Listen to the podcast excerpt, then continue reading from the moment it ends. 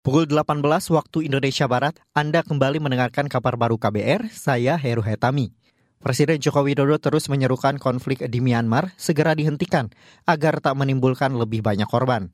Itu disampaikan Jokowi dalam keterangan pers di Labuan Bajo, Manggarai Barat, Nusa Tenggara Timur, NTT hari ini. Menurut Jokowi, kondisi Myanmar saat ini sangat kompleks karena konflik telah terjadi lebih dari tujuh dekade. Yang ingin saya tegaskan bahwa hal ini tidak akan menyurutkan tekad ASEAN dan Indonesia untuk menyerukan kembali hentikan kekerasan, stop using force, stop violence, karena rakyat yang akan menjadi korban. Karena kondisi ini tidak akan membuat siapa pun menang.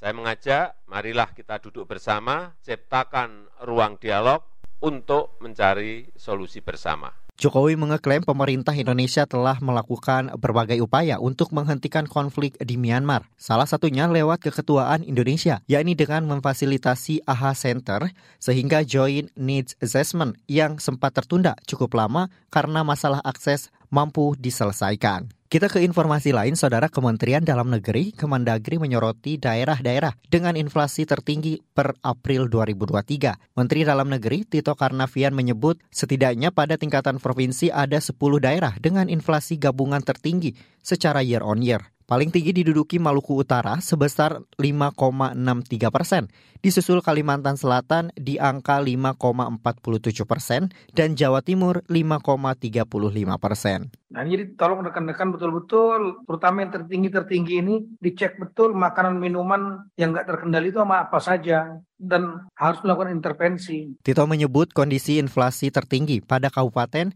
diduduki Kota Baru dengan 6,75 persen, Sedangkan yang terendah Kabupaten Mamuju dengan angka inflasi 2,96 persen.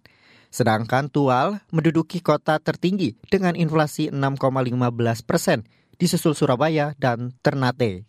Kita ke informasi daerah, saudara tenaga kesehatan yang tergabung dalam lima organisasi profesi kesehatan di Kota Balikpapan melakukan aksi damai menolak rancangan Undang-Undang RUU Kesehatan Omnibus Law di depan Balai Kota hari ini.